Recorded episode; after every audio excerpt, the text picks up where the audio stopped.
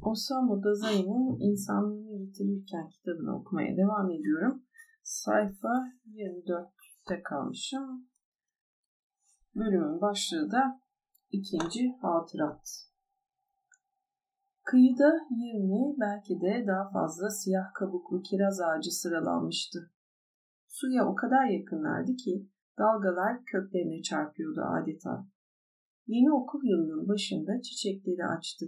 Denizin mavisine karşı göz kamaştırıcı bir pembe ve yapış yapış yeni filizlenmiş yaprakların has kahverengisi. Sayısız çiçek deniz yüzeyinin üzerinde kabaran bir goblen oluşturacak biçimde bir kar fırtınası halinde dağıldı. Her dalga ile birlikte tekrar kıyıya çarpmak üzere uzaklaştı. Çalışmalarımı ihmal etmeme rağmen bir şekilde Japonya'nın kuzeydoğusundaki bir ortaokula kabul edilmeyi başardım ve bu taç yapraklarla kaplı sahil arazinin bir parçasıydı. Bu çiçeklerin figürü okul keplerimizin rozetlerinde ve hatta üniformalarımızın her bir düğmesinde işliydi. Babamın benim için bu denize nazır ve kiraz çiçeği ağaçlı okulu seçmesinin sebeplerinden biri de ortaokulun hemen yanında uzaktan akrabamızın evi olmasıydı. Ben o aileye emanet edilmiştim. Okul oldukça yakın olduğu için sabah toplanma zili çaldığında okula koşmaya başlardım. Pek tembel bir öğrenciydim. Yine de soytarımı kullanarak günden güne sınıfta ün kazanmaya başlamıştım. İlk kez yabancı bir toprakta yaşıyordum ve yabancı bir yerde yaşamanın memlekette yaşamaktan çok daha kolay olduğuna karar verdim.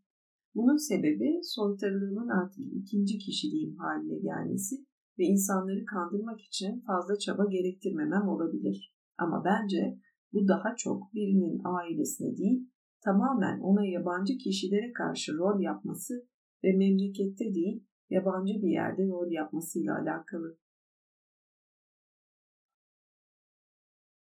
Şüphesiz en yetenekli oyuncular bile Hatta Tanrı'nın oğlu İsa Mesih bile bu farka karşı duyarlıydı. Oyuncunun en zor sahnesinin memleketi olduğunu söylemiyorlar mı?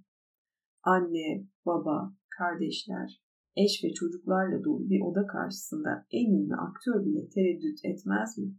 Yine de başardım. Dahası performanslarım hatırı sayılır bir başarıyla sonuçlandı. Böyle bir düzenbaz başka bir şehre geldiğinde yine rol yapma fırsatını kaçırmazdı sonuçta. İnsanlara karşı duyduğum korku en ufak bir şekilde azalmamıştı. Hatta artmış bile olabilirdi. Ve korku hala göğsümün derinliklerinde kıvranıyor olsa da performansımda o kadar ustalaşmıştım ki sınıf arkadaşlarımı her daim güldürüyordum. Ben olmasaydım sınıfın ne kadar iyi olacağını söyleyerek sık sık şikayet eden sınıf öğretmenim bile sırıtışlarını elinin arkasına saklamak zorunda kalıyordu. Barbar gibi bağıran ve gök gürültüsü gibi sesi olan milli güvenlik öğretmenini bile büyük bir kolaylıkla kahkahalara boğabilirdim. Nihayet gerçek doğamı tamamen gizlemeyi başardığımı düşünmeye başladığımda tıpkı bir rahatlama nefesi alır gibi büyük bir şaşkınlıkla arkamdan bıçaklandım. Bıçaklayan kişi tahmin edebileceğiniz gibi sınıftaki en cılız çocuktu. Solgun, şişik bir yüzü vardı ve babasından ya da bir abisinden ona kalmış gibi duran bol, elden düşme bir giysi giyiyordu. Giysinin absürt uzun kolları onu eski bir parşömen resmindeki Prens Shotoku'ya benzetmişti. Tüm derslerinden korkunç notlar alıyor, beden eğitimi ya da milli güvenlik dersi sırasında her zaman kenarda oturuyordu. Doğal olarak onun biraz alık olduğunu düşünüyorduk. Onun yanındayken dahi tetikte olmam gerektiği hiç aklıma gelmedi. O gün beden eğitimi dersinde öğrencinin soyadını hatırlamıyorum ama adı sanırım Takeichi'ydi. Takeichi dersi izlerken biz demir çubuklarla antrenman yapıyorduk. Ben bilerek elimden geldiğince ciddi bir yüz ifadesi takılmıştım. Demir çubukla hedef alıp haykırarak fırladım ve uzun atlama yapar misali uçarak kum alanda pat diye kıçımın üstüne düştüm. Tamamen planlanmış bir başarısızlıktı. Sonunda herkes tıpkı istediğim gibi gülmeye başladı ve ben de mahcupça sırıtıp kalkarak altımdaki kumları temizledim. O sırada Takeichi arkamdan gelerek mırıldanmaya başladı. Bilerek yaptın. Şoke olmuştum. Bilerek başarısızlığa uğradığımı tüm insanlar arasında Takeichi'nin anlaması beklenmedikti. Dünyayı bir an için cehennem aleviyle sarıp sarmalanmış bir halde görmüş gibi hissederek ''Aa!'' deyip delirmiş gibi dehşet dolu hissimi bastırmaya çalıştım. Sonraki günlerde de huzursuzluğum ve korkum devam etti. Görünüşte çevremdeki herkesi güldürerek bahtsız soytarıyı oynamaya devam ettim ama ne yaparsam yapayım Takeichi'nin içimi gördüğünü ve her şeyin küle döndüğünü fark ettiğimde içim bunalıyordu. Beni tanıdığımız herkese açık edeceğinden emindim. Alnımdan yağlı bir ter damladı ve etrafıma baktım. Gözlerim delinin boş bakışlarıyla çılgınca yuvarlandı. Bunu becerebilseydim her anımı Takeichi'nin yanında geçirirdim. Sırrımı ifşa etmediğinden emin olmak için günde 24 saat onu izlerdim. Onu bunun bir oyun olmadığına, soytarılığımın gerçek olduğuna ikna etmek için hiçbir şeyden çekinmezdim. Yapabilirsem onun en yakın arkadaşı olmak istedim. Bu başarısız olursa ölsün diye dua etmekten başka seçeneğim olmayacağını düşündüm. Yine de tüm bunların arasında onu gerçekten öldürmeye çalışmak hiç aklıma gelmedi. Hayatım boyunca birinin beni öldürebilmesini hatırlayabildiğimden daha çok defa diledim ama asla başka birini öldürmeyi düşünmedim. Bunu yapmanın o korkunç insanlara bir nebze mutluluk verebileceğini düşündüm. Takeichi'yi işleme arayışımda yüzüme sahte bir Hristiyanın gülümsemesinden farklı olmayan hayırsever bir sırıtış yerleştirdim ve başım sola eğik vaziyette ince omzunu nazikçe kavradım ve yatıştırıcı tatlı bir sesle onu evime gelip oynamaya davet ettim. Takeichi sadece boş bir sessizlikle yüzüme baktı. Ama sonra bir gün sanırım yazın başlangıcına yakın dersler biter bitmez ani bir sağanak yağmurla hava beyaza kesti. Herkes çıkışın yakınında ne yapacağını merak ederek dolaşıyordu. Hemen yan binada oturuyordum. Bu yüzden yağmur beni rahatsız etmedi ve tam kaçmak üzereyken Takeichi'nin ayakkabı dolabının yanında gölgelerde çaresiz bir şekilde durduğunu fark ettim. Hadi şemsiyemin altına birlikte girelim. Benden kurtulmaya çalışırken bile elini tuttum. Onu yağmura doğru çekip evime doğru koştum. Halamdan ceketlerimizi kurutmasını istedikten sonra Takeichi'yi ikinci kattaki odama götürmeyi başardım. Evde ben hariç üç kişi daha vardı. Bunlar 50'lerindeki yengem, 30'lu yaşlarındaki gözlüklü, uzun boylu ve hastalıklı görünüşlü büyük kızı, parantez içinde görünüşe göre bir kez evlenmiş ama dönmüştü, ama eve dönmüştü. Diğerlerinin ona dediği gibi ben de ona abla diyordum. Devam ve son olarak kız kolejinden yeni mezun olan ve ablasının aksine kısa ve yuvarlak yüzlü olan Setçan adındaki küçük kızıydı. Evde ben hariç üç kişi daha vardı. Bunlar 50'lerindeki yengem, 30'lu yaşlarındaki gözlüklü, uzun boylu ve hastalıklı görünüşlü büyük kızı ve son olarak kız kolejinden yeni mezun olan ve ablasının aksine kısa ve yuvarlak yüzlü olan Setçan adındaki küçük kızıydı. Giriş katında kırtasiye malzemeleri, toplar, sopalar ve benzerleri satan küçük bir dükkan işletirlerdi. Ama paralarının çoğu halamın rahmetli kocasının onlara bıraktığı 5-6 şehir evinin kiralarından geliyordu. Kulağım ağrıyor dedi Takeichi odamın ortasında dikilirken. Islanınca ağrımaya başladı. Baktığımda iki kulağımda korkunç bir durumda olduğunu gördüm. İltihap çoktan dış kulağa kadar akmıştı. Çok kötü duruyor, acıyor mu? dedim abartılı bir şaşkınlıkla. Yağmurun ortasına seni de öyle daldırdığım için kusura bakma diyerek kadınların ağzından çıkacak sözler gibi yumuşakça özür diledim. Sonra da aşağı inip alkolle pamuk aldık. Dizimi yastık misali kullanıp Takeichi'yi yatırdım ve dikkatlice kulağını temizledim. Takeichi de beklediğim gibi bunun bir rol olduğunu anlamamış halde dizimde yatarken kadınlar kesin seviyordur seni diyerek aptalca bir iltifatta bulundu. Fakat sonraları Takeichi'nin bunu bilinçli bir şekilde söylemediğini ve belki de bir şeytanın kehaneti gibi bir şey olduğunu anlayacaktım. Sevilmek, aşık olmak, üç nokta. Bu sözcükler hem kaba hem de saçmaydı ve gerçekten sizi tatmin etse de oldukça ciddi bir şekilde söylenmiş olsa da bir kısmını bile duyduğumda melankoli tapınağının çökmesine ve dümdüz olmasına neden oluyor. Sevilmek, aşık olmak bu sözcükler hem kaba hem de saçmaydı ve gerçekten sizi tatmin etse de oldukça ciddi bir şekilde söylenmiş olsa da bir kısmını bile duyduğumda melankoli tapınağının çökmesine ve dümdüz olmasına neden oluyor. Yine de tuhaf şey. Kızların sana aşık olmasının ne kadar zor olduğu gibi çiğ fikirlerden uzaklaşıp edebi terimlerle söylemek gerekirse, sevilmenin kaygısını düşünürsek o zaman o iç karartıcı tapınak duvarları bozulmadan kalıyordu. Bana sevilecek biri olduğum hakkında aptalca sözler söylediği sırada ben yalnızca kızarmış yüzümle gülümseyip hiçbir cevap verememiş ve kulaklarını temizletmiştim. Yine de aslında söylediği sözde bir şeyler olabileceğine dair zayıf da olsa bir sezgim vardı. Beni yanlış anlamayın lütfen. Kızlar kesin seviyordur seni gibi çiğ ifadelerin tipik olarak uyandırdığı o saçma, kendini beğenmiş burnu havadalık hissiyle söylediği şey doğru olabilir gibi bir duyguyla yazmıyorum. Rakugo hikayelerinde görünen ahlaksız genç adamlardan biri için bile fazla olurdu bu. Elbette bu tarz saçma yapmacık bir bağlamda bu sözde bir gerçeklik payı olabilir diye düşünmedim. Benim için kadınlar erkeklerden yüz kat daha anlaması zor insanlar. Ailemde kadın nüfusu daha çok. Akrabalarım arasında kadınlar çoğunlukta ve hizmetkarlardan sınırlarımı ihlal edenlerin arasında kadınlar da var. Çocukluğumdan beri kızlarla oynayarak büyüdüğümü söylemenin abartılı olacağını düşünmüyorum. Buna rağmen kadınlarlayken ince bir buzun üstünde yürür gibi hissediyorum. Bana neredeyse tamamen anlaşılmaz görünmüşlerdir. Karanlıkta yürür gibiydim. Zaman zaman kazayla kaplanın kuyruğuna bastım ve bunun sonucunda korkunç bir yaralanma yaşadım. Erkeklerden yediğim dayakların aksine bu yaralar görünmüyordu. Bir tür iç kanama gibi içeriden ve akla gelebilecek en tatsız şekilde zarar verdiler bana. Bu tür yaralar uzun süre kaybolmadı ve iyileşmesi zordu. Kadınlar beni fırlatıp bir kenara atmak için tutunuyorlardı bana. Başkaları etraftayken beni küçümsüyor ve bana zalimce davranıyorlar ama yalnız kaldığımız anda bana yapışıyorlardı. Kadınlar ölüler gibi derin bir uykuya dalıyorlar.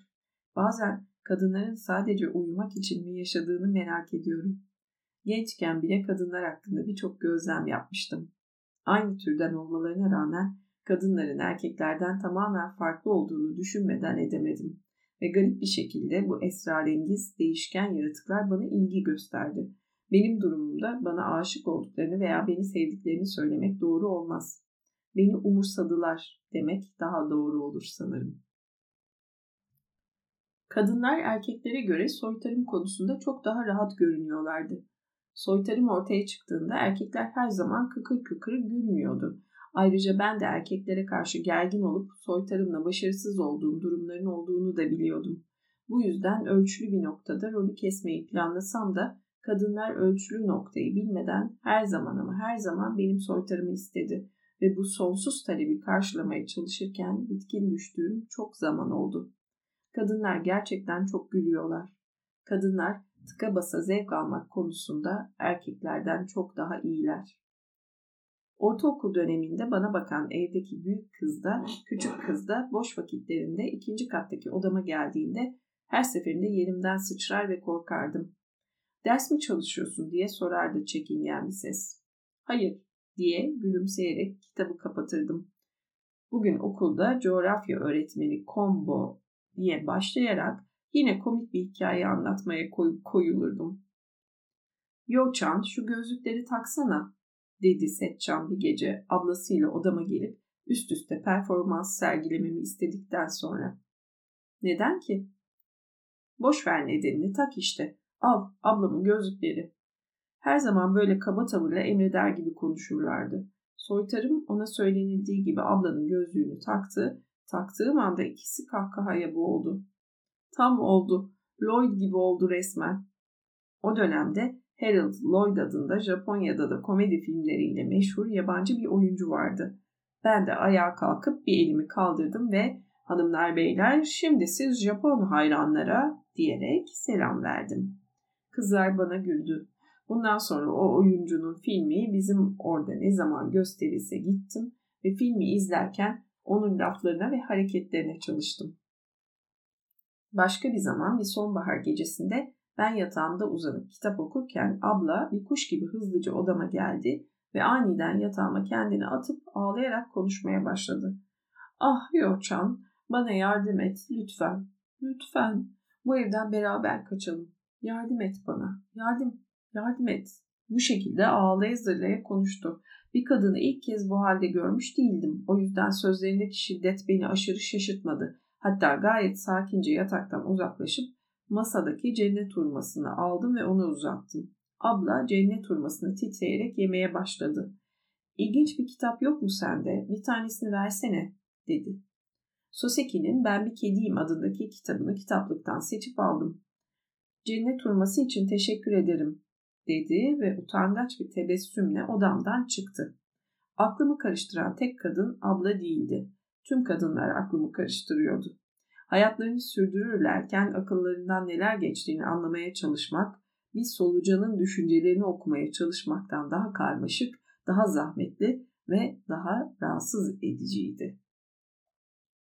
Tek bildiğim çok genç yaştan beri deneyimin bana öğrettiği gibi bir kadın aniden böyle ağlamaya başladığında yapılacak en iyi şey ona tatlı bir şey vermekti. Yedikten sonra kendilerini daha iyi daha iyi hissetmeye başlıyorlardı. Ayrıca Setçan arkadaşlarını bile odama getiriyordu. Onları gülüp eğlendiriyordum ve onlar döndüklerinde Setçan arkalarından kötü şeyler söylüyordu. O kişinin kötü biri olduğunu ve dikkatli olmam gerektiğini söylüyordu. O halde neden onları odama getiriyordu ki? Ama Setçan sayesinde odama gelen misafirlerin neredeyse tamamı kadındı. Fakat Takeichi'nin bahsettiği sevilmek durumunun gerçekleştiği bir deneyim henüz olmamıştı. Yani ben Japonya'nın Tohoku bölgesinin Harold Lloyd'undan öteye geçmiyordum. Takeichi'nin aptalca iltifatının canlı bir şekilde hayata geçmesi ve kendisini uğursuz, rahatsız edici bir kehanet olarak göstermesi birkaç yıl sonra olacaktı. Takeichi bana bir kez daha çok önemli bir hediye vermişti. Bak, öcü resmi. Takeichi yine ikinci kattaki odama geldiğinde renkli resmi gururla bana gösterip bu şekilde açıklamıştı. Nedir bu diye düşündüm. Yıllar sonra daha sonra tökezlediğim yolun tam da bu anda belirlendiğine kani oldum. Resmi tanıdım. Van Gogh'un ünlü otoportresiydi sadece. O zamanlar Fransız emperyalistler çok meşhurdu ve sanata giriş dersleri tipik olarak bu tür resimlerle yola başladığından benimki gibi küçük kasabalardaki ortaokul çocukları bile Van Gogh, Cézanne, Renoir ve diğerlerinin eserlerini tanıyabilirdi. Bense hali hazırda birçok Van Gogh baskısı görmüş ve onun eşsiz dokunuşuyla parlak, canlı renklerinden etkilenmiştim. Ne var ki bunları canavar resimleri olarak düşünmek bir kez bile aklıma gelmemişti. Peki ya bu nasıl? Öcü gibi mi bu da? Modigliani'nin resimlerini kitaplıktan çıkarıp kavruk bakır renginde çıplak bir kadının resmini gösterdim Takeichi'ye. Harika! Takeichi'nin resmen göz bebekleri büyüdü. Cehennemden bir at gibi. Öcü gibi diyorsun yani. Ben de böyle bir öcü resmi çizmek istiyorum. Beklentilerin aksine tıpkı ürkek ve kolayca korkan insanlar nasıl şiddetli bir fırtınanın daha da güçlenmesini daha çok arzularsa, insanlardan tam bir korku içinde yaşayanlar her zamankinden daha korkutucu ve korkunç canavarları kendi gözleriyle açıkça görmek için psikolojik bir ihtiyaç geliştirirler. Ama ne yazık ki insanlık denen canavar tarafından fazlaca yararlanan, yaralanan bu sanatçılar o kadar dehşete kapılmışlar ki sonunda görülere inanırlar ve canavarlar doğanın öğle güneşinin acımasız parıltısı altında gözlerinin önünde canlı bir şekilde beliri verir. Tekrar. Beklentilerin aksine tıpkı ürkek ve kolayca korkan insanlar nasıl şiddetli bir fırtınanın daha da güçlenmesini daha çok arzularsa, beklentilerin aksine tıpkı ürkek ve kolayca korkan insanlar nasıl şiddetli bir fırtınanın daha da güçlenmesini daha çok arzularsa, insanlardan tam bir korku içinde yaşayanlar her zamankinden daha korkutucu ve korkunç canavarları kendi gözleriyle açıkça görmek için psikolojik bir ihtiyaç geliştirirler. Ama ne yazık ki insanlık denen canavar tarafından fazlaca yaralanan bu sanatçılar o kadar dehşete kapılmışlar ki sonunda görülere inanırlar ve canavarlar doğanın öğle güneşinin acımasız parıltısı altında gözlerinin önünde canlı bir şekilde beliri verir. Dahası soytarı aldatmacalarına da girişmezler. Olayları tam olarak gördükleri gibi tasvir etmeye çalışırlar. Tıpkı Takeichi'nin dediği gibi kararlılıkla canavarlar çizerler. İşte böyle diye düşündüm müstakbel yoldaşlarım. O kadar heyecanlandım ki yanaklarımdan sıcak yaşlar süzüldü. Ben de onlardan çizeceğim. Canavarlar çizeceğim. Cehennemin atlarını çizeceğim dedim Takeichi'ye. Sesim anlaşılmaz bir şekilde hafif bir fısıltıya dönüşürken. İlkokuldan beri resim çizmeyi de, resimlere bakmayı da severdim. Fakat çizdiğim resimler yazılarım kadar popüler değildi. İnsan türünün diline hiç mi hiç inancım olmadığı için kompozisyon yazmak benim için soytarılığımın basit bir formuydu sadece. İlkokulda ve ortaokulda öğretmenlerimi gülmekten öldürmüştüler. Fakat benim için hiçbir anlamları yoktu. Sadece resimlerimde karikatürler farklı bir konu, bir şeyleri kendi tarzımda ifade etmekte zorlandım. Her ne kadar olgunlaşmamış olsa da. Ders kitaplarındaki çizimler sıkıcıydı ve öğretmenimiz de resimde o kadar da iyi değildi. Ben kendi kendime çeşitli stiller denemek durumunda kalıyordum. Ortaokula giderken yağlı boya araç gereçlerim vardı. Fakat empresyonistlerin dokunuşlarına benzer dokunuşlar yapmaya çalışsam da benim çizdiklerim desenli duvar kağıtlarını pek geçmiyordu. Çaresizdim. Fakat Takeichi'nin sözleriyle birlikte resim çizmeye bakış açımın büyük ölçüde yanlış olduğunu fark etmiştim. Saf ve cahil olduğumdan güzel bulduğum şeyleri alıp çizimlerimde o güzelliği kopya etmeye çalışmıştım. Ancak gerçek ustalar en dikkat çekici nesneleri alıyor ve kendi yorumlarıyla güzel bir şey yaratıyorlardı. Yahut da en çirkin nesneleri alıyor ve açık seçik sihirleriyle onları ifade etmenin neşesiyle dolduruyorlardı. Onları görünce mideleri alt üst olsa dahi. Kısacası gerçek usta başkalarının beklentileri tarafından en ufak bir şekilde etkilenmez. Bu sırrı, bu ilkel tezi bana bahşeden Takeichi'ydi ve yavaş yavaş kadın ziyaretçilerimin gözünden ırak kalarak kendimi otoportrelerimi yapmaya adadım. Kendimin bile şaşıracağı kadar melankolik ve kasvetli resimler ortaya çıkarmıştım. Fakat bu benim kalbimin en derinliklerinde saklamaya çalıştığım şeylerin suretiydi. Önden bakıldığında gülüyor ve insanları güldürüyor olsa da aslında böylesine melankolik bir kalbi barındırıyordum. Önden bakıldığında gülüyor ve insanları güldürüyor olsa da aslında böylesine melankolik bir kalbi barındırıyordum. Yapacak bir şeyin olmadığını bildiğim için gizlice bunu kabul etmiştim. Fakat tabii ki o resimleri Takeichi dışında kimseye göstermedim. İnsanların soytarılığıma bakıp ardında gizlediği sefaleti görebilmesinden korkuyordum ve sürekli tetikte olmak zorunda kalmak istemiyordum. Ve resimlerin gerçek benliğimin bir ifadesi olduğunun farkına varmamalarından daha çok onları soytarılığımın yeni bir uzantısı olarak görmelerinden ve onlara komik bir şaka gibi davranmalarından korkuyordum. Bu katlanılamayacak kadar ağır olurdu. Bu yüzden resimlerimi bitirir bitirmez dolabımın en derin köşesine saklıyordum. Ayrıca okulda resim dersinde de o öcü metodunu saklayıp her zaman yaptığım gibi bilindik yollarla güzel şeyleri güzelce çizmeye devam ettim. Ben yalnızca Takeichi'ye kendi kırılgan hassas doğamı sorun yaşamadan gösterebilmiştim. O yüzden bu otoportreleri de rahatlıkla ona gösterebiliyordum. Beni oldukça övdü. 2, 3 derken öcü resimleri çizmeye devam ettim. Takeichi de bana sen ileride saygın bir ressam olacaksın şeklinde ikinci bir kehanette bulundu. Sevilmek sözcüğünü de saygın olmak sözcüğünü de bu zavallı kendi halinde Takeichi'den alarak kısa süre sonra Tokyo'ya gittim. Güzel Sanatlar Okulu'na girmek istiyordum fakat babam eskiden beri liseye gitmemi ve memur olmamı istiyordu. Her zamanki gibi bu karar verildiğinde tek kelime bile itiraz edemedim ve fazla düşünmeden bana söyleneni yaptım. Giriş sınavına girmeyi normalden bir yıl önce denemem söylendi ve deniz ve kiraz çiçekleri okulumdan tamamen bıkmıştım. Dördüncü yılımda Tokyo'daki bir yüksek okulun sınavını geçtim. Böylece beşinci yılımı atladım. İlk başta bir yurtta yaşıyordum. Ama pisliği ve oradaki şiddet beni tiksindirdi. Böyle bir yerde soytarılık yapmaya imkan yoktu. Bu yüzden doktorun birini bana akciğer tüberkülozu teşhisi koyan bir mektup yazmaya ikna ederek yurttan ayrıldım ve babamın Tokyo Sakuragi'deki villasına taşındım. Birileriyle birlikte yaşama işleri pek benlik değil. Ne zaman gençliğin samimiyeti ve coşkusu ya da gençliğin gururu gibi şeyler konuşulduğunu duysam içim ürperirdi. Bu tür konuşmalar insanların bahsedip durduğu şu okul ruhu bana tamamen yabancıydı. Sınıf ve yurt bana neredeyse mükemmele yakın soytarılığımın bir işe yaramadığı çarpık cinsel arzu öbeği gibi geliyordu. Toplantıları olmadığında babam Tokyo'da ayda bir ya da iki haftadan fazla kalmazdı ve o yokken büyük evde sadece üçümüz olurduk. Ben ve evle ilgilenen yaşlı çift. O yüzden arada sırada okula asardım. Fakat Tokyo'nun manzaralarını izleme isteğim de olmazdı. Hatta şimdi bile Meichi Tapınağı'nı, Kusunoki Masashige heykelini ve Sengakuchi Tapınağı'ndaki 47 Ronin'in mezarını görmeden günlerim sona erecek gibi görünüyor. Onun yerine bütün gün evde kitap okur ve resim çizerdim.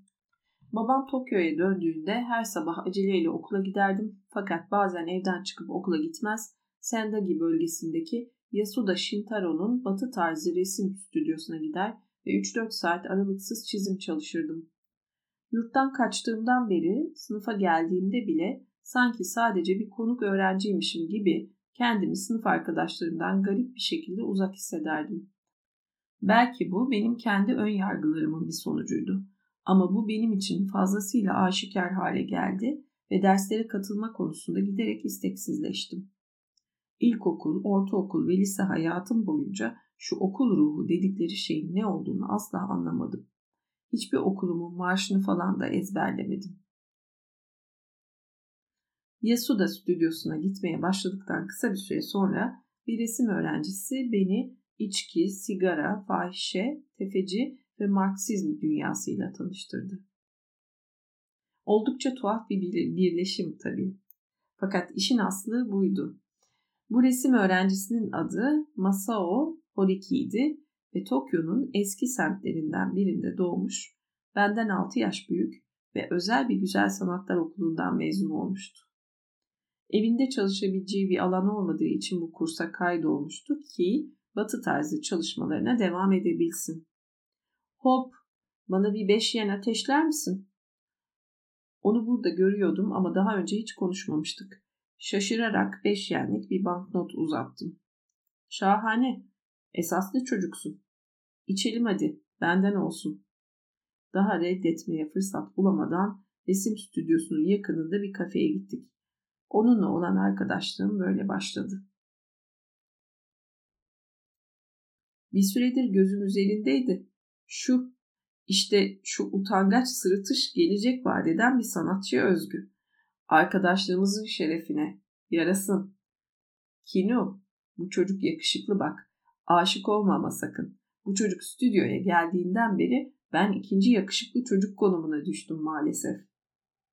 Horiki esmerdi ve toplu bir yüze sahipti. Resim öğrencilerinde görmeye alışık olmadığımız takım elbisesini giymeyi ve kravatını takmayı severdi. Briantin sürerek saçını ortadan ikiye ayırırdı. Böyle yerlere pek alışık olmadığımdan daimi bir dehşet içindeydim. Kollarımı bir kavuşturuyor, bir serbest bırakıyordum ve sahiden de tek yapabildiğim dediği gibi utangaçça gülümsemekti. Ama 2-3 biradan sonra garip bir şekilde özgürlük hissinden uzak olmayan bir hafiflik hissetmeye başladım. 2-3 biradan sonra garip bir şekilde özgürlük hissinden uzak olmayan bir hafiflik hissetmeye başladım. Güzel Sanatlar Okulu'na gitmek istiyordum ama hayır, sıkıcı bu. Bunlar hep sıkıcı. Okul sıkıcı. Bizim öğretmenimiz doğanın kendisi, doğanın dokunaklılığı. Sözlerine ufacık bile dikkat etmedim. Biraz aptal olduğunu düşündüm ve şüphesiz çizdiği resimler de korkunçtu. Bunlara karşın iş eğlenmeye geldiği vakit faydalı bir arkadaş olabilirdi. Kısacası hayatımda ilk kez gerçek canlı bir şehir hergelesiyle tanışmıştım. Farklı görünsek de ikimiz de bu insan dünyasının işleme şeklinden koptuğumuz ve ikimizin de kafası karışık olduğu için aynıydık. Bizi ayıran temel fark ise benimkinden farklı olarak onun soytarılığının tamamen bilinçsiz olması ve kendi trajik doğasından tamamen habersiz olmasıydı. Sadece eğleniyorduk. O sadece dışarı çıkıp iyi vakit geçirilecek biriydi diyordum kendi kendime. Onu küçümsedim ve birlikte şehirde dolaşırken arkadaşlığımızdan bile utandım bazen. Ama sonunda onun gibileri bile canımı okudu. Fakat başlarda onun nadiren görebileceğimiz derecede iyi bir insan ve insanlardan korktuğum halde yanında gardımı indirebileceğim, Tokyo'da bana rehberlik edecek şahane biri olduğunu düşünmüştüm. Dürüst olmak gerekirse kendi halimi bırakılsam trene ayak bastığımda kondüktörlerden bile korkardım. Kabuki izlemeye gitmek için can atar ama salon merdivenlerine çıkan kırmızı halının her iki yanındaki yer gösterici genç kadınlardan korkardım. Lokantalarda arkamda sessizce pusuya yatıp tabağımı temizlemeyi bekleyen komilerden korkardım. Ve sıra parayı ödemeye geldiğinde ah nasıl da beceriksizdim. Parayı ödeme zamanı geldiğinde gözüm kararırdı. Başım döner, dünya karanlığa gömülür ve yarı delirdiğimi sanırdım. Elbette cimrilikten değil, çok gergin, çok utanmış, çok endişeli ve korkmuş olduğum için. İndirim istemeye çalışmak şöyle dursun, çoğu zaman para üstüne almayı unutmakla kalmıyor, yeni satın aldığım şeyi bile orada unutuyordum. Tokyo'yu tek başıma gezmem kesinlikle imkansızdı. Bütün günlerimi evde tembellik ederek geçirmemin asıl nedeni buydu. Horiki ile dışarı çıktığımızda tüm alışverişi o halletsin diye cüzdanımı ona verirdim. Eğlence ondan sorulurdu. Az miktarda parayla bile büyük miktarda eğlence satın alabiliyordu. Bir yenlik taksilere binmiyorduk. Tren, otobüs, vapur ve bunun gibi diğer ucuz araçları kullanıyor ve en kısa sürede gideceğimiz yere varma becerisi sergiliyorduk. Sabah genel evden dönerken hangi restorana uğranır, sabah banyosu nerede yapılır ve haşlanmış tofuyla birlikte hızlıca nerede içilir hepsini bilirdi. Bunlar ucuz olsa da neredeyse lüks gibi hissettirirdi. Pratikliği öğretti bana.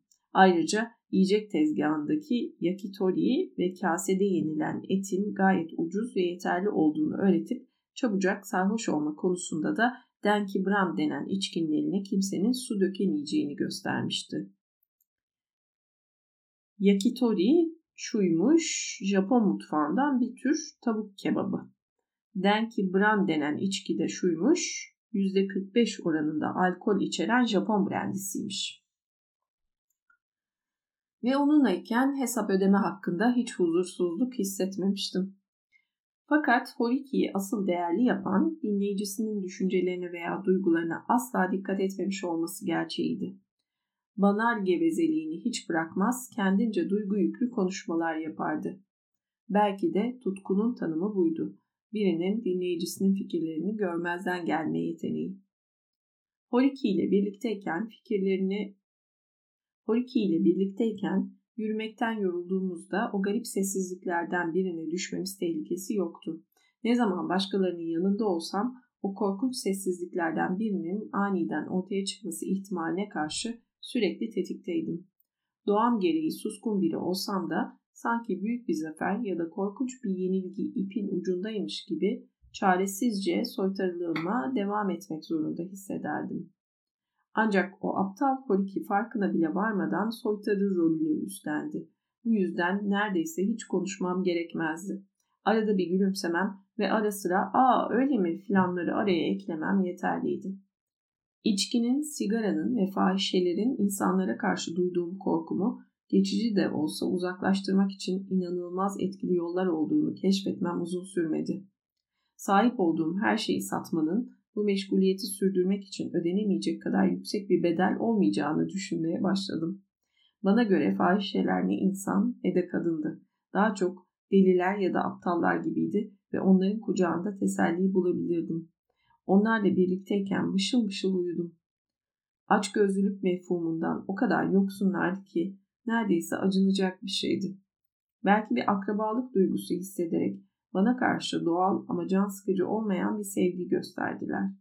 Onlarınki hesapsız bir sevgiydi. Art niyetlerden yoksun bir sevgiydi. Bir daha asla karşılaşmayacağınız bir insana duyduğunuz sevgiydi. Bazı geceler Bakire Meryem'in başlarının üzerinde asılı duran ailesini görürdüm Ne aptallar ve deliler. Yine de insanlığa duyduğum korkumdan bir gecelik de olsa biraz olsun uzaklaşmak için genel evleri ziyaret ederken ve ruhtaşlarımla eğlenirken beklenmedik bir değişim yaşamaya başladım. Etrafımda uğursuz bir aura toplanmaya başladı. Dönüyor ve sarsılıyordu. Sanırım fahişelerin sevdikleri bir müşteriye bahşettiği bir tür hediyeydi. Ama almayı ummadığım bir şeydi. Bu armağanın silueti yavaş yavaş görünür hale geldi ve giderek belirginleşti. Öyle ki Horiki sonunda bana bahsini açtığında hem şaşırdım hem de itiraf etmeliyim ki tiksindim. Biraz kaba olsa da nesnel bir ifadeyle fahişeler beni eğitiyordu. Bana kadınlarla nasıl iletişim kuracağımı öğretiyorlardı. Daha fenası fahişe olduklarından konu bu özel alan çalışmasına geldiğinde amansızdılar eğitimleri zaten bende büyük bir değişiklik yaratmıştı. Oldukça ustalaşmıştım.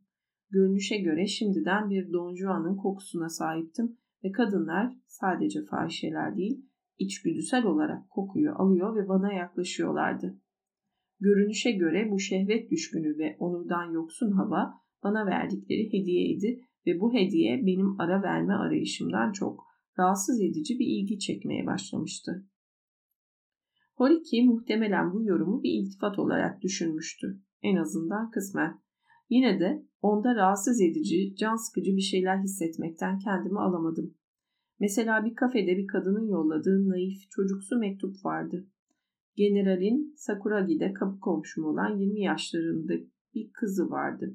Her sabah okula gitmek için ayrıldığım saatlerde açık bir sebep olmadan makyaj yaparak kapısının yakınında dolanırdı. Şu gittiğim et lokantası ve oradaki hizmetçi vardı. Ona tek kelime bile etmemiş olmama rağmen. Ve yerel tütüncüden sigara aldığımda kadının bana verdiği kutunun içindeki.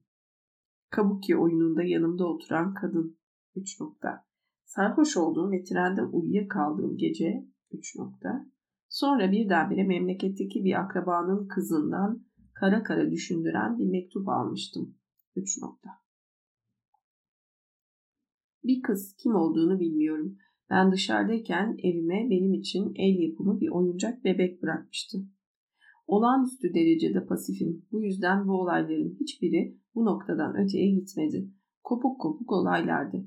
Yine de bir tür auranın etrafımda oyalanıp kadınları tuzağa düşürdüğünü inkar etmek zor. Şaka yapmıyorum ya da romantik kahramanlığımla övünmüyorum. İşin aslı bu yalnızca.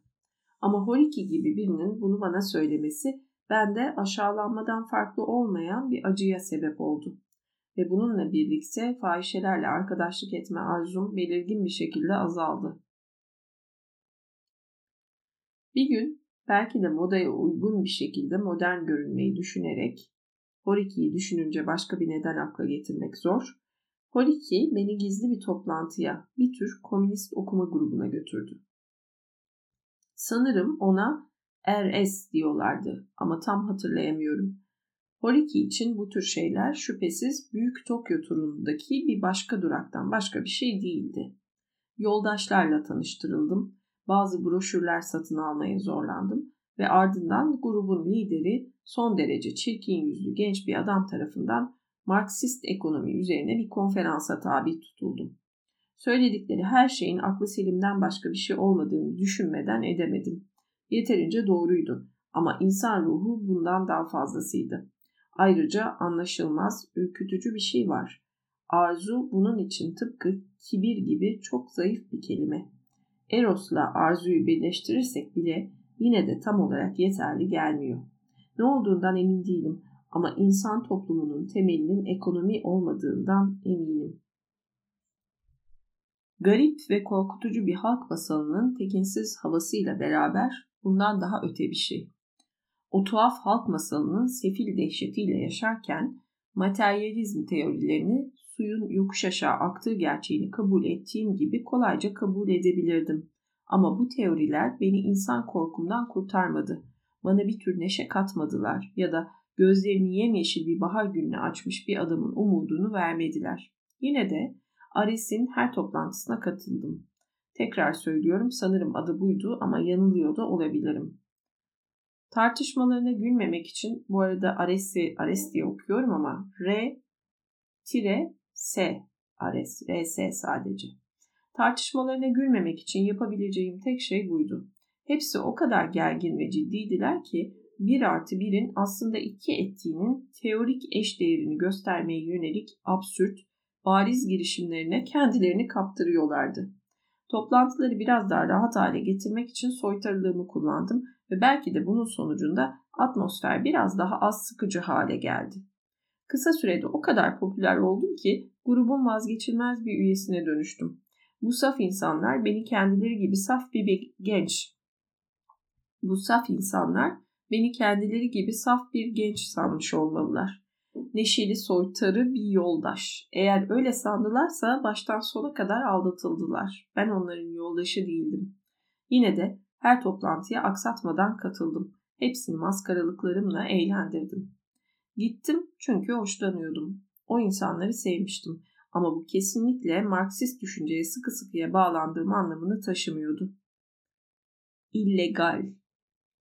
Bu kelime içimde hafif bir heyecan uyandırdı. Daha doğrusu konsepti neredeyse rahatlatıcı bulurdum.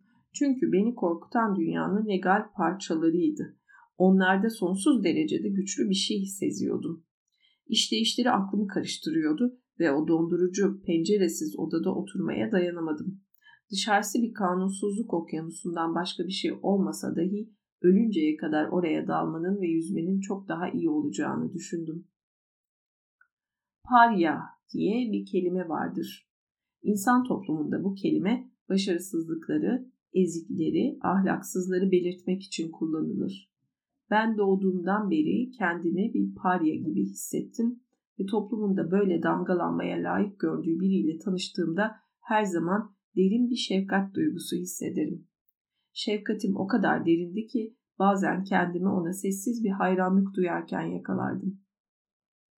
Ayrıca suçlu psikolojisi diye bir kavram da var. Tüm hayatımı vicdanım tarafından rahatsız edilerek yaşadım ama aynı zamanda vicdanım sadık bir yoldaş oldu. Onunla kasvetimizde oynaşırken her zaman yanımda duran sadık bir eş gibi.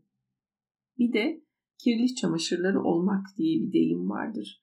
Benim için o çamaşırlar doğduğum anda kirliydiler ve ben büyüdükçe temizlenmek yerine daha pis ve iğrenç hale geldiler. Ta ki her gece milyonlarca farklı cehennemin azabını çekecek kadar kokusu ağırlaşana dek. Öyleydiler, öylesine ama şüphesiz bu dediğim kulağa çok tuhaf gelecek. Yavaş yavaş bana kendi kokumdan daha tanıdık gelmeye başladılar. Bu ağır kokuları açık bir yaranın acısı gibi fısıltılı aşk protestoları gibi geliyordu. Benim gibi bir adam için katıldığım yeraltı siyasi toplantılarının havası bu yüzden garip bir şekilde rahatlatıcı ve garip bir şekilde rahattı. Sonuç olarak beni cezbeden hareketin amaçları değil, onun doğasıydı. Horiki'nin gitmesinin tek nedeni onlarla bir grup aptal gibi alay etmekti ve ilk tanışmadan sonra bir daha geri dönmedi. Görevleri üretimi araştırmak olabilir derdi ama benimki tüketimi araştırmak. Ve bu yavan alaydan sonra asla geri dönmedi. Ondan sonra da beni yalnızca onun tüketim araştırmasına katılmaya davet etti. Şimdi tekrar düşündüğümde birkaç farklı Marksist türü olduğunu görüyorum. Bazıları Horiki gibiydi. Kendini Marksist ilan eden kibirli bir modernite sarhoşluğu içinde olan insanlardı. Bir de benim gibi yasa dışının çekiciliğinin cazibesine kapılan sadece onların arasında bulunan insanlar vardı. Marksistler bunu görebilmiş olsaydı Horiki'de bende şiddetli bir azarger ve sinsi hain damgası yiyip atılırdık. Fakat ne ben ne de Horiki böyle bir şeyle cezalandırılmıştık. Bilhassa yasa dışı dünyada yasal beyefendilerin dünyasında olabildiğimden çok daha özgürce ve sözüm ona sağlıklı davranabiliyordum. Ve diğerlerinin beni gelecek vadeden, vadeden ve diğerlerinin beni gelecek vadeden genç bir yoldaş olarak görmeleri çok uzun sürmedi. Bana her türlü görevi emanet ettiler. Her biri o kadar saçma bir gizlilik içindeydi ki gülmemek elde değildi. Dahası ben böyle işleri bir kez bile reddetmeden sorunsuzca almış ve köpeklerin yoldaşlar polislere böyle derdi ve köpeklerin şüpheli sorularına yenilmemiştim. Hem gülerek hem de güldürerek onların bu tehlikeli buranın üyesi insanlar devasa önemi olan bir şeye iştirak ediyormuş gibi oldukça gergin olurlardı. İkinci sınıf dedektif romanlarındaki gibi öyle önemsiz görevleri öyle büyük bir ciddiyetle ifa ederlerdi ki hayret ederdim. Yine de bu işleri tehlikeli gibi göstermekte de hiç zorluk çekmezdim. Hem gülerek hem de güldürerek onların bu tehlikeli dedikleri işleri gayet düzgün bir şekilde yapıp bitiriyordum. O zamanlardaki hislerime göre parti üyesi olarak tutuklansam ve tüm hayatımı hapiste geçirecek olsam bile bu sorun olmazdı. İnsan toplumunda dehşet içinde ve cehennem gibi uykusuz gecelerde yaşamaktansa hapiste olmanın daha sağlıklı olduğunu düşünüyordum bazen. Of nasıl bir acı, bu nasıl bir huzursuz ruh hali. İnsan toplumunda dehşet içinde ve cehennem gibi uykusuz gecelerde yaşamaktansa hapiste olmanın daha sağlıklı olduğunu düşünüyordum bazen. Babamla aynı evde yaşasak da hem gelen gideni olduğundan hem de dışarı çıktığından 3-4 gün birbirimizi görmediğimiz olurdu. Yine de dişli, korkunç bir mevcudiyetti onunki ve taşınmayı düşünüyordum. Belki bir tür pansiyona falan. Ama bunun bahsini açmaya fırsat bulamadan ev bekçisi bana babamın evi satmayı planladığını söyledi. Babamın görev süresi sona ermek üzereydi ve eminim ki bunun için kendi sebepleri olduğundan yeniden aday olmamaya karar vermişti. Emekliliği için inziva yeri olarak evdeki mülkümüze yeni bir kanat eklemek için planlar yapmıştı ve Tokyo ile hiçbir bağ kalmayacağından hizmetçilerle dolu koca bir evi sadece bir öğrenci için tutmanın savurganlık olduğunu düşünmüş olmalıydı. Babanın zihni insan toplumundaki diğer herkesin zihni gibi benim için bir gizemdi. Babanın zihni insan toplumundaki diğer herkesin zihni gibi benim için bir gizemdi. Böylece eve kısa sürede bir başkası yerleşince ben de Hongo semti yakınlarında İnziva Yeri adlı bir pansiyonun kasvetli bir odasına taşındım ve kendimi birden ay sonunu getirmek için mücadele ederken buldum. O zamana kadar babam bana her ay harçlık verirdi ve ben bu parayı birkaç günde yesem bile sigara, likör, peynir, meyve evde her zaman olurdu. Kitapla kırtasiye ve giyecekle ilgili her şeyi de semtteki herhangi bir dükkandan babamın adına yazdırarak alırdım. Holiki ile canımız erişte ya da tempura çekerse tek yapmamız gereken babamın müşterisi olduğu restoranlardan birine gitmekti. Ödeme yapmadan ayrılırdık ve kimse de bir şey demezdi. Kendimi birden pansiyonda yaşar halde bulmuştum. Her şeyi aylık harçlığımla yetiştiremezdim. Bu yüzden afallamıştım. Gönderilen para 2-3 gün içinde bitiyordu ve korkmaya başlıyordum. Çaresiz bir şekilde aklımı kaçıracak gibi olup babam, abim, ablam gibi kişilerden para istemek için telgraf ve detaylı mektuplar yolluyordum. Bu mektuplar tamamen soytarımın ağzından çıkıyordu. İnsanlardan bir şey istemeden önce onları güldürmenin en iyi yol olduğunu düşünürdüm. Horiki'den öğrendiğim gibi rehin dükkanlarına gidip gelmeye başlamıştım ama yine de sürekli parasızdım. Sonuç olarak bana yardım edecek kimsenin olmadığı pansiyonda tek başıma hayatımı idame ettirme becerisine sahip olamadım. Ben pansiyondaki odamda tek başıma takılırken her an biri tarafından saldırıya uğrayacakmışım gibi hissediyor.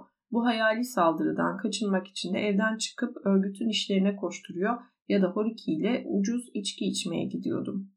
Okul işlerinde resim çalışmalarımı da bırakmıştım ve Kasım ayında okuldaki ikinci yılımda benden yaşça büyük evli bir kadınla aşk intiharına bulaşınca hayatım tam anlamıyla değişti. Okula gitmiyordum. Biraz bile olsa çalışmıyordum. Fakat garip bir şekilde sınavlardan geçebildiğim için bu durumları ailemden gizlemeyi başarabilmiştim. Fakat artık devamsızlık hakkım bitmek üzereydi. Okuldan babama bu konuda bildiri gitmiş olduğu için büyük abim bana babamın direktifiyle sert bir mektup göndermişti. Fakat okul meselesinden ziyade benim asıl derdim paramın olmaması ve örgütün işlerinden artık hiç zevk almamama rağmen vaktimin çoğunu oraya harcamamdı. Merkez bölge için Marksist öğrenci kol ordusu başkanlığı ya da onun gibi bir şeye terfi etmiştim. Her halükarda Hongo, Koishikawa, Shitaya, Kanda ve tüm çevre bölgelerden ben sorumluydum. İnsanlar silahlı bir ayaklanmadan bahsetmeye başladılar. Bu yüzden küçük bir çakı aldım. Geriye dönüp düşününce o kadar dayanıksız bir şeydi ki bir kalemin ucunu açmaya yarayacağından şüpheliyim. Ve kasabada oradan oraya gidip temaslar kurarken onu yağmurluğumun cebinde taşımaya başladım. Tek yapmak istediğim sarhoş olup ölü gibi uyumaktı ama hiç param yoktu. Fakat P partiye kod isim olarak bunu seçmiştik ama yanlış hatırlıyordu olabilirim. Fakat P ardı ardına iş veriyordu ve nefes alacak vaktim kalmıyordu. Hasta bünyemle o kadar işe uzun süre koşturmam pek de mümkün görünmüyordu. Esasen bu örgüte yardım etmemin sebebi yasa dışı şeylerim. Hoş, esasen Esasen bu örgüte yardım etmemin sebebi yasa dışı şeylerin hoşuma gitmesiydi. Ve hal böyleyken vaktimin çoğunu parti işlerinin almaya başlaması beni rahatsız ediyordu. Şahsen iş için yanlış kişiyi seçtikleri ve görevi benim yerime gerçek müritlerden birine vermeleri gerektiği sonucuna vardım. Ben de kaçtım. Tahmin edebileceğiniz gibi bu beni pek iyi hissettirmedi ve ölmeye karar verdim. O vakitlerde bana özellikle ilgi duyan üç kadın vardı. Biri pansiyon sahibinin kızıydı. Bu kız örgüt işlerine yardım edip bitkin düşmüş halde eve gelip yemek bile yemeden kendimi yatağa attığımda devamlı gelerek kapımı çalar ve kusura bakma aşağıda kız ve erkek kardeşim çok gürültü yapıyor. Mektuba konsantre olamıyorum diyerek masamda saatlerce yazar dururdu. Onu görmezden gelmeyi becerip yatıp uyuyabilsem o kadar da kötü olmazdı. Ama onunla konuşmamı istediği açıktı ve bu her zamanki gibi edilgen memnun etme ihtiyacımı ateşledi. Çok yorgun olduğumdan onunla sohbet etmeyi pek istemiyordum ama yine de kalan enerjimi toplayıp dönerek yüzüstü uzandım ve bir sigara yakarak aldığı aşk mektuplarını yakarak banyosunu ısıtan bir adam varmış dedim. Ah ne fena. O adam sensin galiba. Bir keresinde onlarla süt ısıtmıştım. Bak bak nasıl bir onur. İçseydin o vakit. Kız çabucak gitse diye düşündüm. Tüm mektup işi bir palavraydı. Oturmuş boş boş karalama yaptığından emindim. Göstersene dedim. Gerçi okumaktansa hemen oracıkta ölmeyi yeğlerdim. Ne? Yok, hayır okuyamazsın diye nazlanarak karşı çıktı. O kadar acınasıydı ki biraz ilgi duyduysam bile yok olmuştu. Sonra ona bir iş verme fikri geldi aklıma. Ya senden bir iyilik istesem olur mu? Şu tren caddesindeki eczaneye gidip karmotin alır mısın? Çok yoruldum. Yüzüm de yanıyor gibi. Bitkinlikten uyuyamıyorum. Olur mu? Parayı da sorun yok, para önemli değil diyerek mutlulukla ayağa fırladı. Çok iyi bildiğim üzere kadınlar bir erkek kendisi için onlardan bir şey istediğinde hoşnut oluyordu. Asla sıkıntı etmiyorlardı bunu. İkinci kadın bir kız öğretmen okulunda beşeri bilimler okuyan yoldaşlarımdan biriydi. İkimiz de hareketin içinde olduğumuz için istesem de istemesem de onu her gün görüyordum. Toplantılar bittikten sonra bile saatlerce peşimden ayrılmaz ve bana her türlü hediyeyi alırdı. Beni ablan olarak görebilirsin. Bu çiğ alaka beni titretse de yüzümü belli belirsiz melankolik bir gülümsemeye zorlayarak tabii ki öyle görürüm diyebildim sadece. Onu kızdırmamalıyım diye düşündüm korkarak. Bir şekilde onu kandırmalıydım. Bu çirkin, nahoş kadının gönlünü almaya o kadar odaklanmıştım ki kısa sürede kendimi onu eğlendirirken buldum. Şakalarımla onu güldürmeye çalıştım ve o bana hediyeler aldığında her zaman olabilecek en kötü hediyelerdi ve çoğunu yakitori tezgahını işleten yaşlı adam gibi insanlara verdim. O bana hediyeler aldığında kendimi seviniyormuş numarası yapmaya zorladım. Beni yalnız bırakmadığı bir yaz gecesi onu karanlık bir sokağa götürdüm ve eve gitmesini umarak onu öptüm. Bunun yerine heyecandan çılgına döndü ve çiğ bir çılgınlığa kapılarak bizi örgütün gizlice kiraladığı küçük ofislerden birine götürmek için bir taksi çağırdı. Orada şafağa dek işi pişirdik. Kendisinin nasıl bir abla olduğunu düşündüğünü merak ederken alaycılıkla gülümsedim. Pansiyonumdaki kızla birlikte bu yoldaşı her gün görmekten başka seçeneğim yoktu ve tanıdığım diğer kadınların aksine onlardan kaçınmanın bir yolu bulunmuyordu. Çok geçmeden her zamanki anksiyetem devreye girdi ve ikisini de mutlu etme çabam yüzünden bitap düştüm. Kendimi kapana kısılmış hissettim. Bir gıdım hareket edemiyordum. O dönemlerde Ginza'daki kafelerden birinde çalışan bir garson kızdan beklenmedik bir fayda görmüştüm. Onunla yalnızca bir kere buluşmuş olsam da bu iyilik beni etkilemiş ve onu düşünmeye devam etmiştim. İçimde farazi bir korku hissediyordum. O zamana kadar kasaba hakkında bana rehberlik etmesi için Horiki'ye ihtiyacım olmadığı konusunda yeterince cüretkarmış gibi davranmayı öğrenmiştim. Kendi başıma trene binebilir, kabuki oyunlarına gidebilir ve hatta ucuz eski püskü giysiler içindeyken bile kafelere gidebilirdim. İçimde ise elbette her zaman olduğum gibiydim ve insanların zorbalıkları ve kendine güvenlerine karşı hissettiğim şüphe, dehşet ve endişe azalmamıştı. Dışarıdan insanları ifadesiz bir yüzle selamlayabileceğim noktaya yavaş yavaş ulaşmıştım sadece. Hayır, bu tamamen doğru değil. Her zaman yitik bir soytarının alaycı sırıtışı yüzümdeydi. Ama ne olursa olsun görüşmelerim ve kısa muhabbetlerim umutsuzca perişan olsa da Yine de bunları sürdürmek için bir yetenek geliştirmeyi başarmıştım. Bu örgütteki işlerim sayesinde miydi yoksa kadınlardan mı ya da içkiden? Soru işareti. Bu yeni becerileri kazanmaya başlamamın başlıca sebebi sanırım parasız olmamdı. Bu nerede olursam olayım ben de sürekli bir endişe hali uyandırdı ve kendimi büyük kafelere özgü sarhoşlar, garsonlar ve komilerden oluşan kalabalığa atarsam sıkıntı hissimin biraz olsun hafifleyeceğini düşündüm. Cebimde 10 yenle tek başıma bir Ginza kafesine gittim ve garson kıza sırıtarak sadece 10 yenim var o yüzden fazla bir şey bekleme dedim. Sorun değil. Hafif bir Kansai aksanı vardı. Böylelikle tuhaf bir şekilde söylediği basit şeyler kalbimi sakinleştiriyordu. Hayır, para meselesini kafaya takmamamdan değil, onunla birlikte olmanın endişe edilecek bir şey olmadığını hissetmemdendi. İçki içtim. Yanındayken rahat hissediyordum ve soytarıyı oynatmak zorunda hissetmiyordum kendimi. Gerçek doğamın ortaya çıkmasına izin verdim kasvetli, asık suratlı bir şekilde sessizce içtim. Bunu sever misin? Kız çeşitli yemekleri önüme koyuyordu. Ben de başımı salladım. Sadece içki mi? Ben de içeyim seninle o zaman. Soğuk bir sonbahar gecesiydi. Tusuneko'nun adı buydu sanırım ancak hafızam zayıfladığı için emin değilim.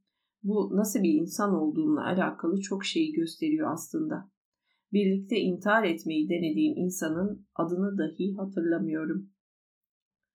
Tusuneko'nun önerisiyle Ginza'da bir yemek tezgahında sushi yiyordum ve tadı hiç lezzetli değildi.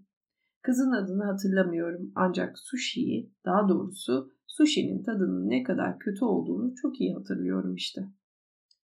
Tezgahı işleten ihtiyarın asker saçı tıraşı olduğu ve yüzünün Japon keme yılanına benzediğini hatırlıyorum. Ne yaptığını çok iyi biliyormuş gibi sushi'yi sağa sola evirip çevirerek biraz gösteriş yaptı. Bunu açık seçik görebiliyordum. Yıllar sonra ve bir defadan fazla farkında olmadan ilginç şekilde tanıdık gelen bir yüze bakıp suratımda alaycı bir gülümsemeyle bu yüzün sushi tezgahındaki adama ne kadar benzediğini düşünürken yakalamıştım kendimi.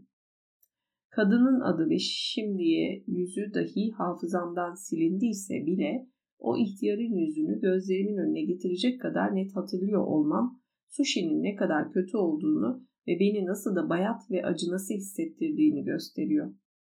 Honko'daki bir marangoz atölyesinin üst katında kirada yaşıyordu. Sanki korkunç bir diş ağrım varmış gibi bir elimi yanağıma bastırmış halde odasında oturup çay içerken kasvetli doğamı gizlemek için hiçbir çaba göstermedim. Garip bir şekilde bu tavrım onu uzaklaştırmak yerine çekiyordu. O da tamamen yalnız görünüyordu. Soğuk erken gelmiş bir kış rüzgarı kadının üstüne esti, etrafında sadece ölü yapraklar döndü çılgınca. Orada uzanırken benden iki yaş büyük olduğunu ve Hiroşima'dan geldiğini söyledi. Bir kocam var. Hiroşima'da beraberdi ama kaçtık. Geçen bahar Hiroşima'da beraberdik ama kaçtık. Geçen bahar Tokyo'ya geldik. O zamandan beri doğru düzgün bir iş bulamadı. Dolandırıcılıktan tutuklandı. Şimdi hapiste. Onu her gün ziyaret ediyorum. Ona her türlü ihtiyacını götürüyorum. Yarından itibaren gitmeyeceğim. Böyle devam ede ede bana hayatının hikayesini anlattı. Neden bilmiyorum ama kadınlar bana hayatlarını anlatmaya başladığında hep sıkılıyorum. Belki de çok iyi hikaye anlatıcıları olmadıklarındandır. Hep yanlış kısımları vurgularlar. Ama hepsi bir kulağından girip diğerinden çıkar. Ne yalnızlık ama. Bir kadının tek bir kelimeyi fısıldayıvermesi, kendilerinden bahsetmek için harcadıkları binlerce ve milyonlarca diğer kelimeden daha fazla sempati uyandırırdı. Bir kadının tek bir kelimeyi fısıldayıvermesi, kendilerinden bahsetmek için harcadıkları binlerce ve milyonlarca diğer kelimeden daha fazla sempati uyandırırdı. Bir kadının bu tek kelimeyi söylediğini hiç duymamış olmam tuhaf ve neredeyse gizemli geliyor. Tsuneko yalnızlık kelimesini asla yüksek sesle söylemese de yalnızlık onun etrafında 3 santim kalınlığında bir hava akımı gibi girdap gibi görünüyordu. Ve ben yakınındayken beni de sardı. Kendi acı veren melankoli girdabımla mükemmel bir şekilde karışıp birleşti. Tıpkı suyun derinliklerindeki bir taşın üzerine konan güz yaprağı gibi korkumdan ve kaygımdan kendimi uzaklaştırmayı başardım. Suyun derinliklerindeki bir taşın üzerine konan güz yaprağı gibi. Dolandırıcılıktan hapsedilmiş bir adamın karısıyla geçirdiğim gece benim için keyifliydi. Günlüklerimin tamamında böyle cesur ve olumlu bir dili tereddüt etmeden tekrar kullanacağımdan şüpheliyim ve neşeli mi neşeli, akılsız fahişelerin kollarında bulduğum derin, huzurlu uykudan hayli farklı şekilde özgürleştiriciydi. Ancak altı üstü bir geceydi. Sabah uyandığımda ayağa fırladım ve bir kez daha uçarı soytarı kılığıma büründüm. Gerçek korkak mutluluktan bile korkar. Pamuk yün bile yaralar onu. Neşeden bile incinir. Panikledim. Yara almadan önce hızlıca kaçmak istedim bu yüzden kendimi o tanıdık soytarı sis perdesiyle sarmaladım. Gerçek korkak mutluluktan bile korkar. Pamuk yün bile yaralar onu. Neşeden bile incinir. Panikledim. Yara almadan önce hızlıca kaçmak istedim. Bu yüzden kendimi o tanıdık soytarı sis perdesiyle sarmaladım. Şu meşhur eski deyişi biliyor musun? Yoksulluk kapıdan girince aşk pencereden uçar. Çoğu insan hep yanlış anlıyor. Bu erkeğin parası bittiğinde kadının ondan ayrıldığı anlamına gelmez. Şu demek, bir adamın parası bittiğinde kalbini kaybeder, değersizdir. O kadar zayıflar ki gülemez bile. Garip bir aşağılık kompleksine kapılır, çaresiz kalır ve kadını kendinden uzaklaştıran o adam olur. Bu noktada yarı delirir ve uzaklaşana kadar itmeye, itmeye ve itmeye başlar. En azından okuduğum bir kitapta öyle yazıyor. Üzücü değil mi? Ne yazık ki bu duyguyu çok iyi biliyorum. Gerçekten de böylesine aptalca bir şey söyleyip Tusuneko'yu yolladığımı hatırlıyorum. Uzun ziyaretler anlamsızdır. Gerildiğim için hızlıca kalkıp yüzümü bile yıkamadan gitmek istedim. Fakat o sırada para bitince herkes gider saçmalığım sonradan beklenmedik bir şekilde aklıma gelmişti.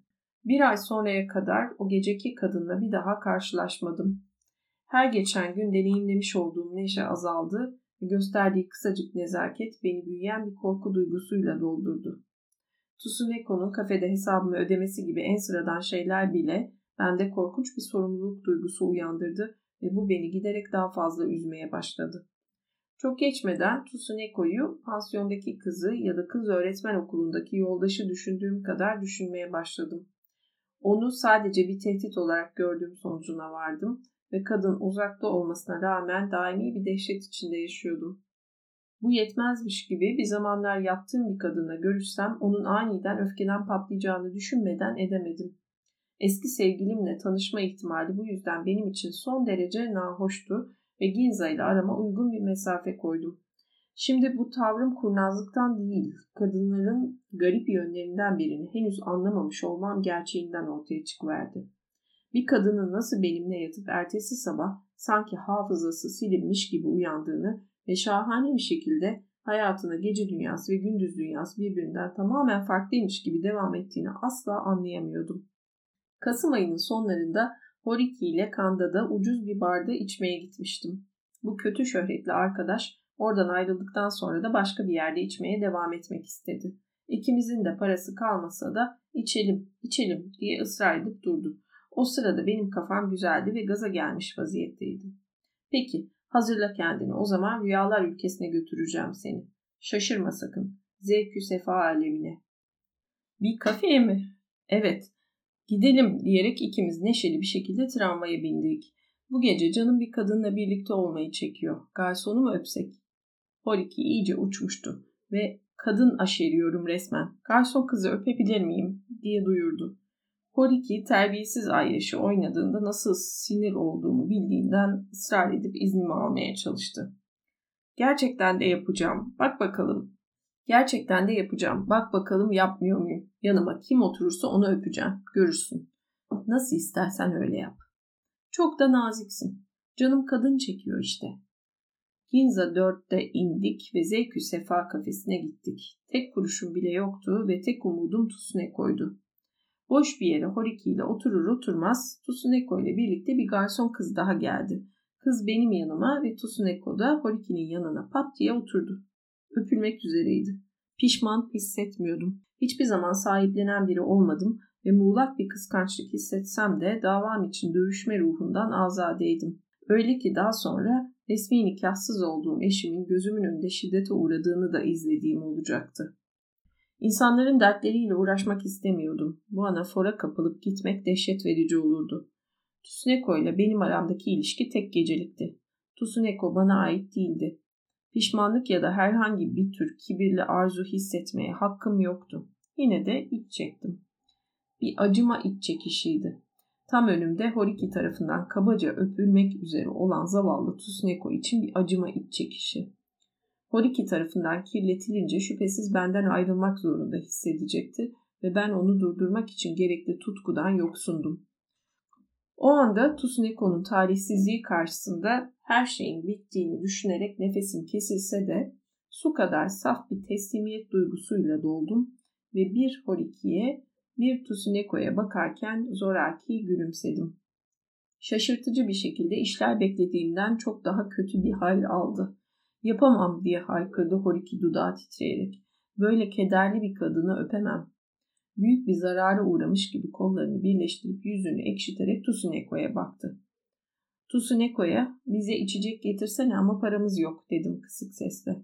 Sabaha kadar içmek istiyordum. İncelikten yoksun birinin gözlerinden bakacak olursak Tusuneko hüzünlü, çulsuz bir kadından öte değildi.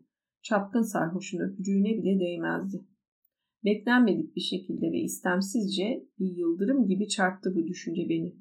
O gece içtim de içtim. Daha önce içmediğim kadar içtim. Ayakta zar zor durana kadar içtim. Tusuneko ile göz göze geldiğimiz her an birbirimize hüzünle gülümsedik.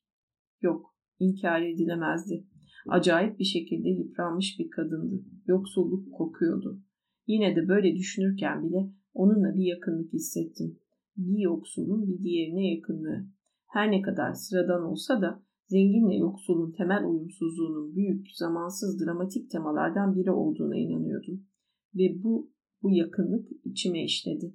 İçimde ona karşı bir sevgi yeşermeye başladı ve hayatımda ilk kez benim için tutkulu ama biraz cılız bir aşkın kıpırtılarını hissettim.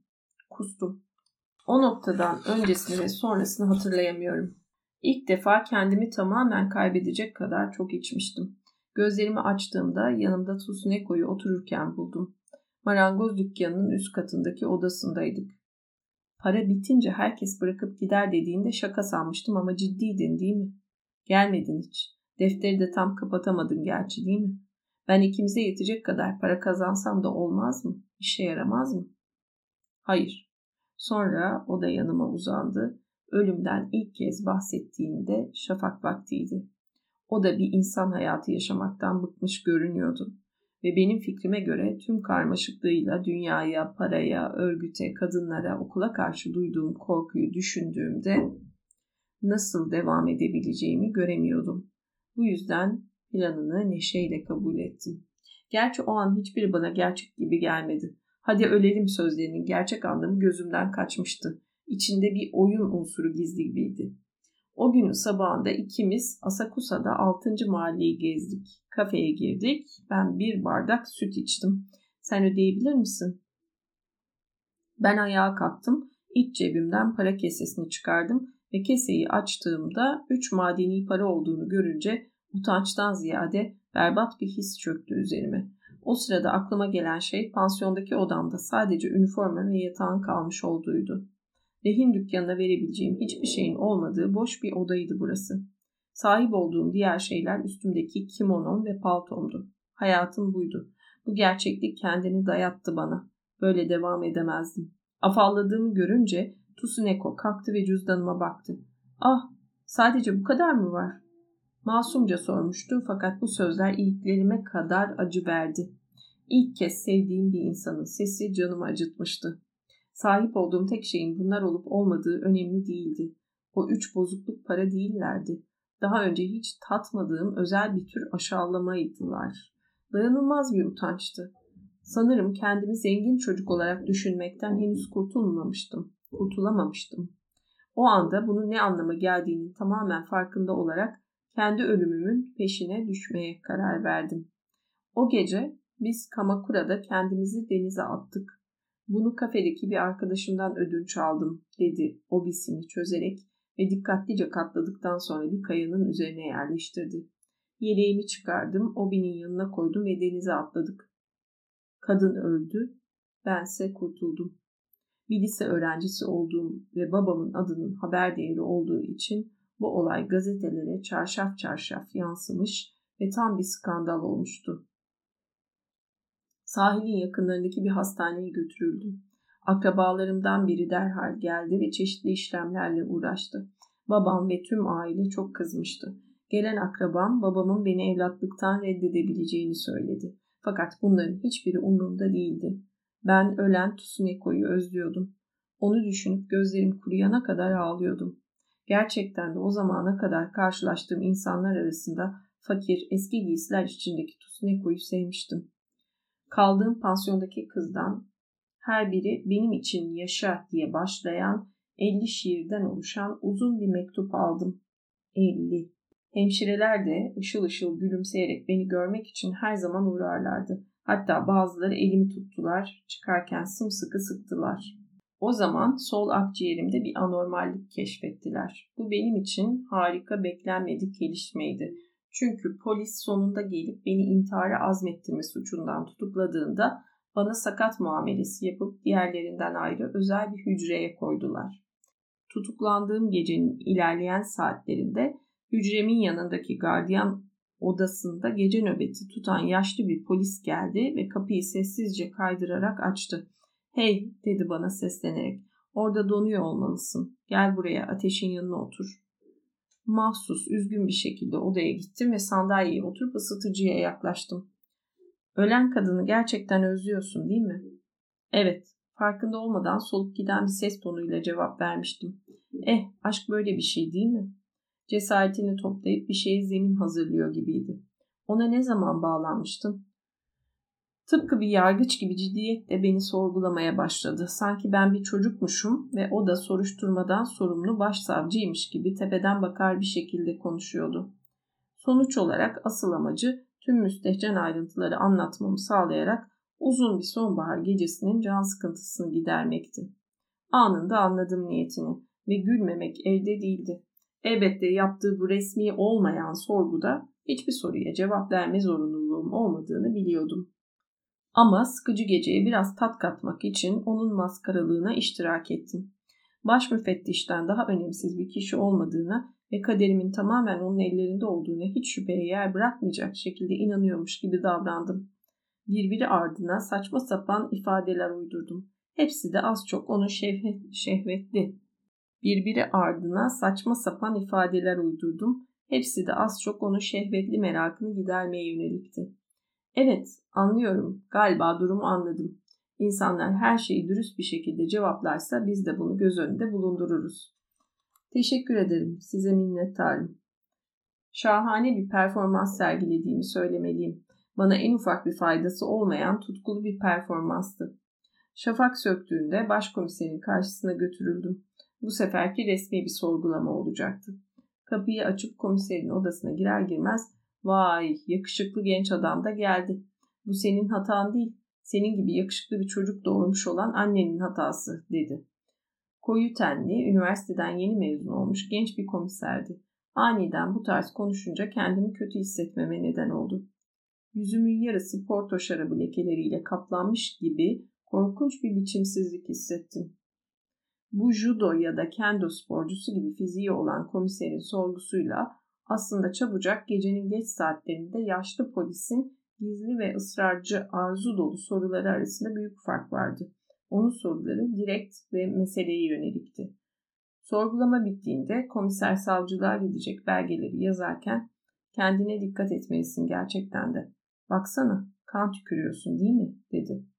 O sabah ben öksürürken mendille ağzımı kapatmıştım ve mendile kırmızı leke misali bir şeyler bulaşmıştı. Fakat bunun boğazımdan gelen bir kandan ziyade gece kulağımın altından gelen küçük bir çıban olduğunu düşünmüştüm. Fakat bunu söylemesem daha iyi olacaktı. Evet diye makul bir cevap vererek gözlerimi yere indirdim. Komiser belge işlerini bitirmişti. Mahkemeye çıkıp çıkmayacağına savcı karar verecek ama veline telgraf ya da telefonla ulaşıp bugün Yokohama savcılığına gelmelerini istemek iyi olacak gibi. Çağırabileceğim biri var değil mi? Velin, velin ya da vasin. Okuldaki garantörüm Bay Shibuta'yı düşündüm. Benimle aynı köyden gelen 40 yaşlarında kısa boylu şişman bir bekardı. Resim ve antika şeylerin ticaretini yapıyor. Ezelden beri babasının Tokyo'daki köşkünde yaşayıp profesyonel bir dal kavuk rolünü oynuyordu. Yüzü ve özellikle gözleri dil balığı görünümündeydi ve bu babamın ona taktığı isim haline gelivermişti. Ben de o zamandan beri bunu alışkanlık edinmiştim. Karakoldaki telefon rehberini aldım ve dil balığının evinin numarasını bulup aradım. Ondan Yokohama savcılığına gelmesini istediğimde değişik küstah bir ses tonuyla konuşmuştu ama sonuç olarak gelecekti. Hey o telefonu hemen dezenfekte edin. Kan öksürüyor ya. Nezarethanede beklerken bunu bağıran komiserin sesi kulaklarımda yankılandı. O gün öğleden sonra bileklerime ince bir sicim bağladılar. Pelerinimle ipin üstünü örtmeme izin verildi ama yine de Yokohama'ya giden trene binerken genç bir polis ipin öteki ucunu sımsıkı tutuyordu. Hiç gergin değildim. Hatta karakoldaki nezarethanemi ve o yaşlı polisi özlemiştim. Neden böyleydim? İşte bir suçlu durumundaydım. Ellerim bağlıydı ama sakin ve rahatlamış hissediyordum. Şimdi bile bu kelimeleri yazarken hafif bir mutluluk yeşeriyor içimde. Yine de bu güzel anılar arasında bile kırdığım bir pot vardı. Soğuk terler dökecek kadar çileden çıkaran bir hata. Ömrüm boyunca unutmayacağım bir falso. Loş, kasvetli bir yer olan savcılığa getirildim ve bir diğer üstün körü sorgulamadan geçtim. Savcı 40 yaşlarında sessiz bir adamdı. Eğer bana güzellik atfedildiyse hiç şüphem yok ki aşağılık şehvetli bir güzellikten başka bir şey değildi bu. Ne var ki savcının sahip olduğu güzellik bilgeliğe ve dinginliğe sahip bir erdemli güzellikti. Önemsiz şeylere dikkat edecek bir tipe benzemiyordu ve bu yüzden gardımı tamamen indirdim. Yine bir öksürük nöbeti geçirirken sorularını dikkatim dağılmış bir halde yanıtlıyordum. Mendilimi çıkardım ve fırsattan yararlanabileceğimi düşünerek haince bir plan yaptım. Mendili ağzıma bastırırken göz ucuyla çaktırmadan bakarak iki abartılı hırıltılı öksürük ekledim. Gerçekten mi? Nazik bir gülümsemeydi. Soğuk terler içinde kaldım. Dehşete kapılmıştım. Hayır, şimdi sadece hatırası bile ayağa fırlamak istememe neden oluyor.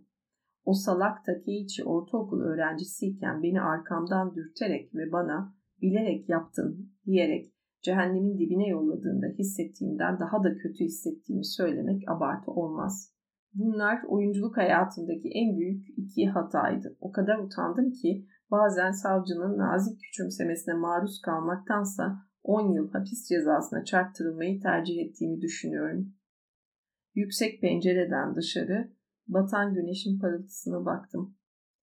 Bir sıra martı uçarken Şince karakterlerle kadın yazıyorlardı sanki.